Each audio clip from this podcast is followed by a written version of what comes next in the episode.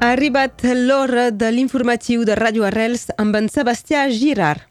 Bon dia, les informacions d'avui dimecres 1 de febrer. La manca d'aigua afecta també el llac de Millars.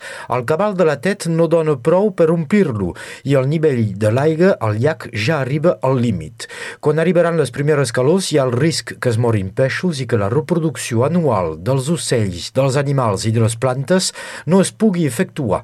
Pel que fa a la l'obertura prevista pel pròxim 11 de març ja sembla força improbable.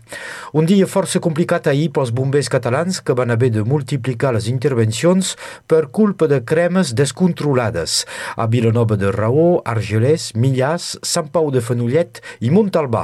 Tots aquests incendis són deguts a particulars que no han fet cas ni de la tramuntana ni de la decisió prefectural que prohibeix des del 2019 de cremar els vegetals que han de ser tractats a les deixalleries. Demà comença el període d'inscripcions als exàmens oficials de llengua catalana. Les proves corresponen als estàndards pedagògics internacionals.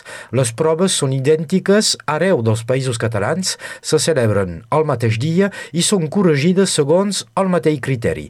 Les inscripcions s'obren demà i els exàmens es faran al maig i al juny. Per qualsevol informació podeu telefonar a la Casa de la Generalitat de Catalunya Perpinyà al 0468 35 17 14. També demà és dia de sessió dels consellers departamentals de Catalunya Nord.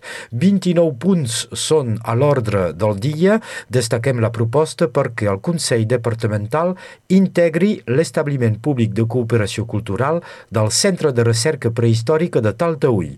També es debatrà de les orientacions de la política a favor de la catalanitat i de la creació d'un comitè per la reestructuració i l'eixamplament dels arxius departamentals.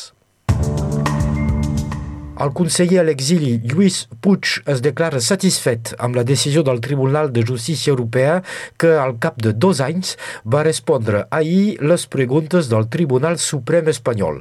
Lluís Puig està convençut que la sentència europea dona arguments sòlids a les defenses dels exiliats catalans per batallar una nova euroordre.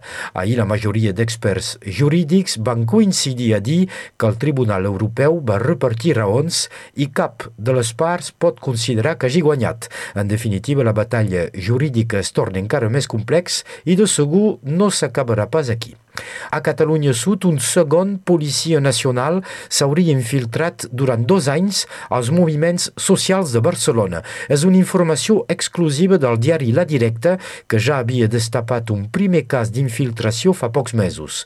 L'agent s'hauria infiltrat al juny del 2020 adherint a un centre social ocupat del passeig de Fabri Puig de Barcelona.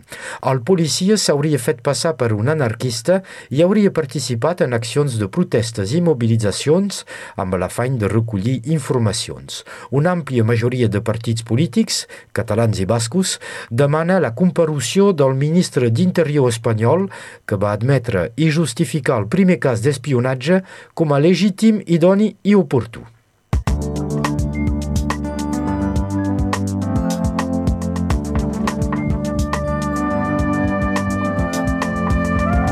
Moltes gràcies, Sebastià. Passem ara a l'informació del temps amb Meritxell Cristòfol.